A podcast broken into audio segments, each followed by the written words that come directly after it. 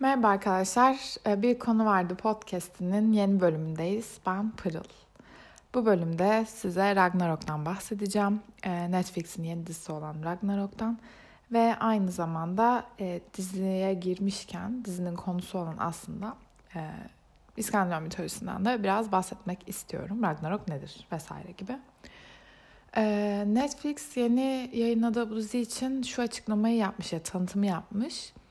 Kirliliğin iyice zehirlemeye başladığı eriyen buzulların, sıcak kışların, sağanak yağışların sarsıtıcı sonuçlar doğurduğu bir Norveç kasabasında geçen hikayeye sahip Ragnarok, kıyameti yoğun biçimde hissetmekte olan bu kasabadaki kadim bir kötülüğü alt etmek için bir efsanenin doğuşuna odaklanıyor.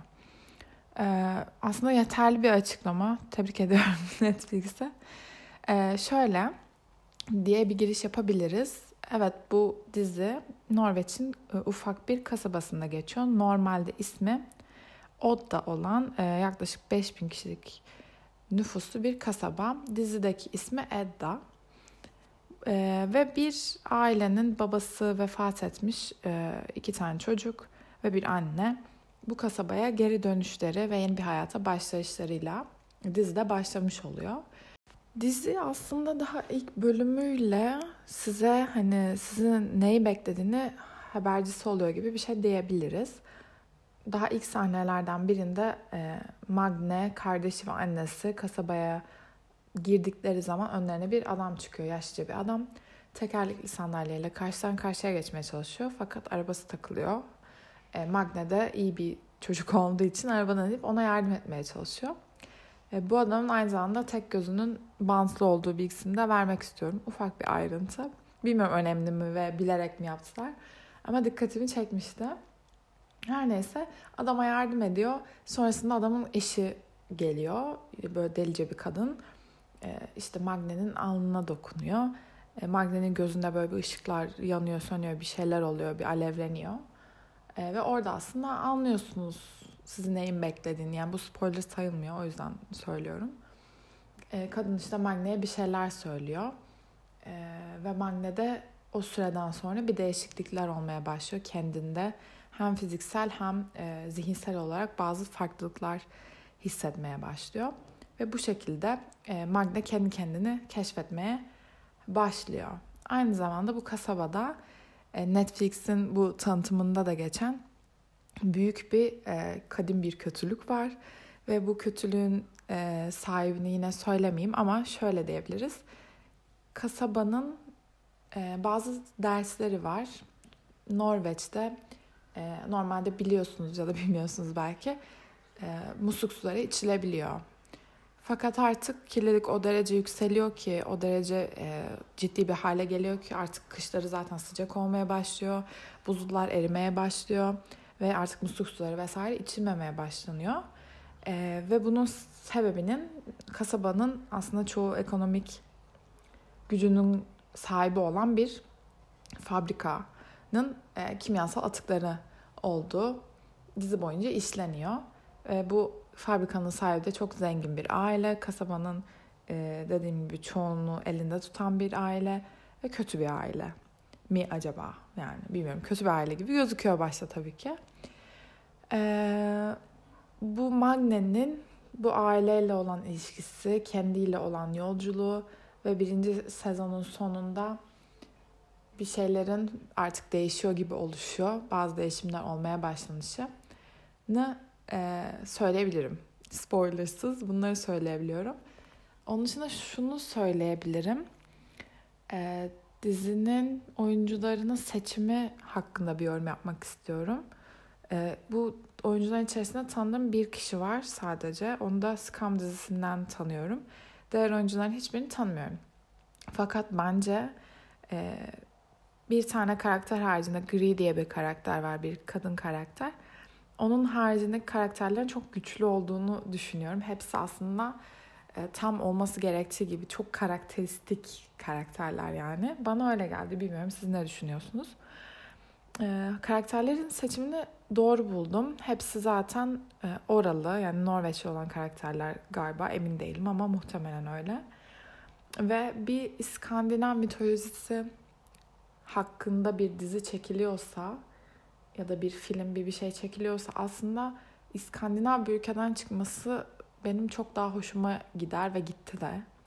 Yani bu Thor'un ya da işte Marvel serisinin oradaki Ragnarok'un vesaire kötü olduğu gelmiyor tabii ki. Ee, ama ben kendi şahsi fikrim yani Norveççe bir dilde ya da işte Norveççe olmak zorunda da değil. İskandinav e, ülkelerinde olan bir dil artık fark etmiyor. E, dilde çekilmiş ve hani orada çekilmiş yani İskandinav bir ülkede çekilmiş bir e, mitolojik bir diziyi, filmi izlemek benim daha çok hoşuma gidiyor. E, bu yönden beni hem görsel hem e, duysal olarak çok doldurdu dizi. E, çok aksiyonlu bir şey bekliyorsanız hani Marvel tarzı bir aksiyon bekliyorsanız beklememenizi öneriyorum. Belki ilerleyen sezon çekilirse bilmiyorum çekilip çekilmeyeceği de herhalde belli değil. E, çekilirse ancak biraz daha aksiyon olur diye düşünüyorum. Çünkü e, ilk bölüm e, pardon ilk sezonda bir aksiyon yok gibi bir şey aslında. Çok hani sizi doyuracak bir aksiyon olmadığını düşünüyorum. Çok aksiyon bekliyorsanız eğer. E, yavaş ilerleyen bir dizi. E, biraz daha karanlık. Biraz daha böyle e, nasıl denir? İçsel. İçsel yolculuğu anlatan e, bir dizi. Onun dışında ne diyebilirim? Dizi e, 6 bölümden oluşuyor. 6 bölüm olması bana biraz fazla kısa geldi. Çünkü ben bilmiyorum bir diziye başladığımda hani binge watch aslında tam 6 bölüm hani ideal denebilir binge watch yapmak için. Hepsi zaten e, yaklaşık 50 dakika galiba. Ama ben daha uzun e, yani 10 bölüm mesela olmasını dilerdim yani bilmiyorum. 6 bölüm bana çok kısa geliyor. Ama herhalde e, ideal olarak bunu düşünmüşler ve böyle yapmışlar. E, dediğim gibi hiçbir bilginiz yoksa bile bu mitolojik şeye karşı bölümlerin içerisinde size bilgiler veriliyor zaten ve bu da benim hoşuma gitti açıkçası. Çok mu fazla bilgi veriliyor derseniz bence hayır. Çünkü bazı eleştirilere baktım.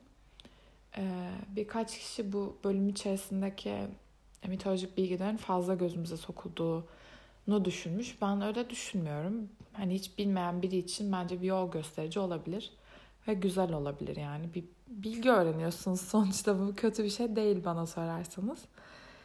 Um, çok fazla spoiler vermeden ancak bu kadar aslında yorumlayabilirim diziyi. Çünkü e, yani en ufak bir şey söylediğim zaman direkt size spoiler vermiş olacağım. Daha uzun bir yorumlama yapmak için. O yüzden şimdilik bu kadar e, diyebilirim. Ama şöyle e, gelecek sezon çıkar mı çıkmaz mı bilmiyorum ama ben açıkçası çıkmasını çok isterim.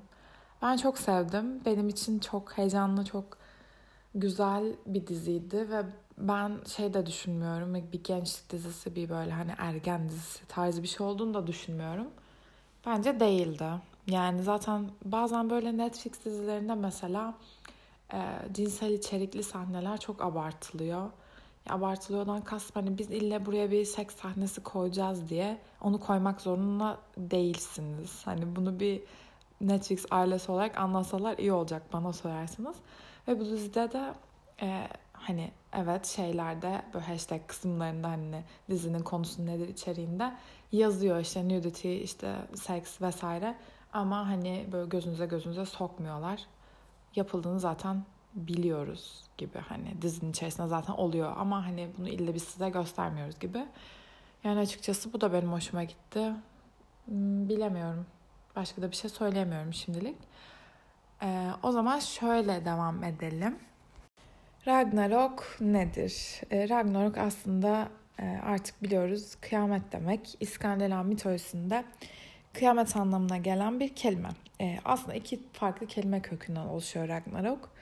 Ee, biri tanrıların gücü, e, biri e, kader ve kıyamet anlamına geliyor. Birleştirdiğiniz zaman tanrıların kaderi ya da kıyameti de denilebilir Ragnarok'a. Ee, Nordik mitolojisine göre Ragnarok'ta her yerde savaş ve ölüm oluyor. Tanrılar savaşıyor, devler savaşıyor, tanrılar ölüyor. Ee, işte evren kaos içinde oluyor, alevler içinde kalıyor. Küm, e, tüm kainat sulara gömülüyor ve bir şekilde sonrasında sulardan evren yeniden doğuyor. e, bitkiler ortaya çıkıyor vesaire hayat devam ediyor. Aynı zamanda Ragnarok'un nasıl başladığına yani Ragnarok'un ateşinin nereden çıktığına dair de e, bir hikaye var. Bu hikayede e, ana karakterimiz Balder. Balder, Odin ve Frigg'in oğlu.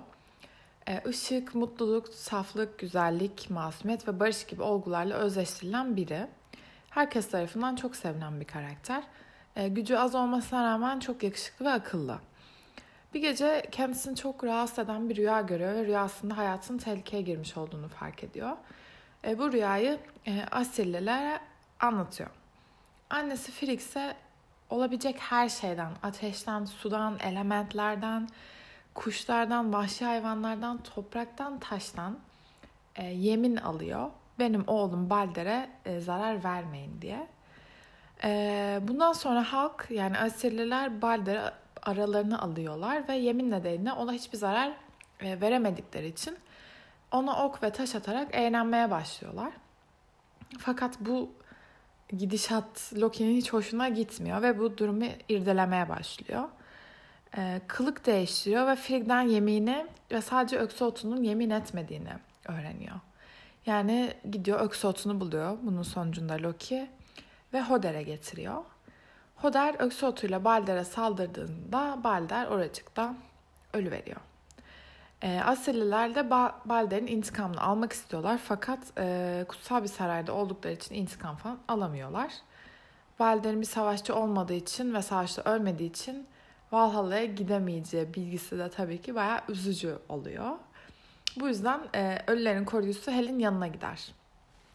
Odin Balder'in serbest kalmasını istiyor e, fakat Hel bunu tek şartla kabul edeceğini söylüyor. Eğer dünyadaki ölü ve canlı her şey Balder için gözyaşı dökerse Balder geri dönebilecek. E, Asirliler mesajı tüm dünyaya yayıyorlar. Herkes onu çok sevdiği için kabul ediyor tabii ki. Tek bir dev hariç. E, bu dev tahmin edebileceğiniz gibi kılık değiştirmiş olan Loki. E, Asirliler bunu anlıyorlar e, ve Loki'yi yakalıyorlar ve zincire vuruyorlar. Ee, ancak Loki bir gün zincirlerini kırıyor ve kurtuluyor. Ee, bu da aslında Ragnarok'un başlayacağını işaret olarak görünüyor. Evet şöyle bir toparlamak gerekirse e, diziyi öneriyorum. Bence güzel. E, tabii ki sizin zevkiniz nasıl bilemiyorum ama eğer hani zevklerimiz uyuşuyorsa beğeneceğinizi düşünüyorum. Bence güzeldi. E, onun dışında Ragnarok yani kıyametle alakalı ya da İskandinav mitolojisiyle alakalı e, başka bölümler çekmem e, çekmem istiyorsanız lütfen bana ulaşın. Yani ben zaten seviyorum. Yapabilirim. Yapmayabilirim. Başka bir konu da olabilir. Diğer mitolojik şeylerle de alakalı olabilir. Diğerlerini çok bilmiyorum açıkçası. Araştırma yapmam gerekecek. Bunun hakkında da tabii ki araştırma yapmam gerekecek ama daha zevkle yapacağım bir şey olur muhtemelen. Her neyse. E, istiyorsanız yazın, ulaşın. Yani o şekilde. O zaman şimdilik bu kadar diyorum. Teşekkür ederim dinlediğiniz için. Kendinize iyi bakın. Görüşürüz.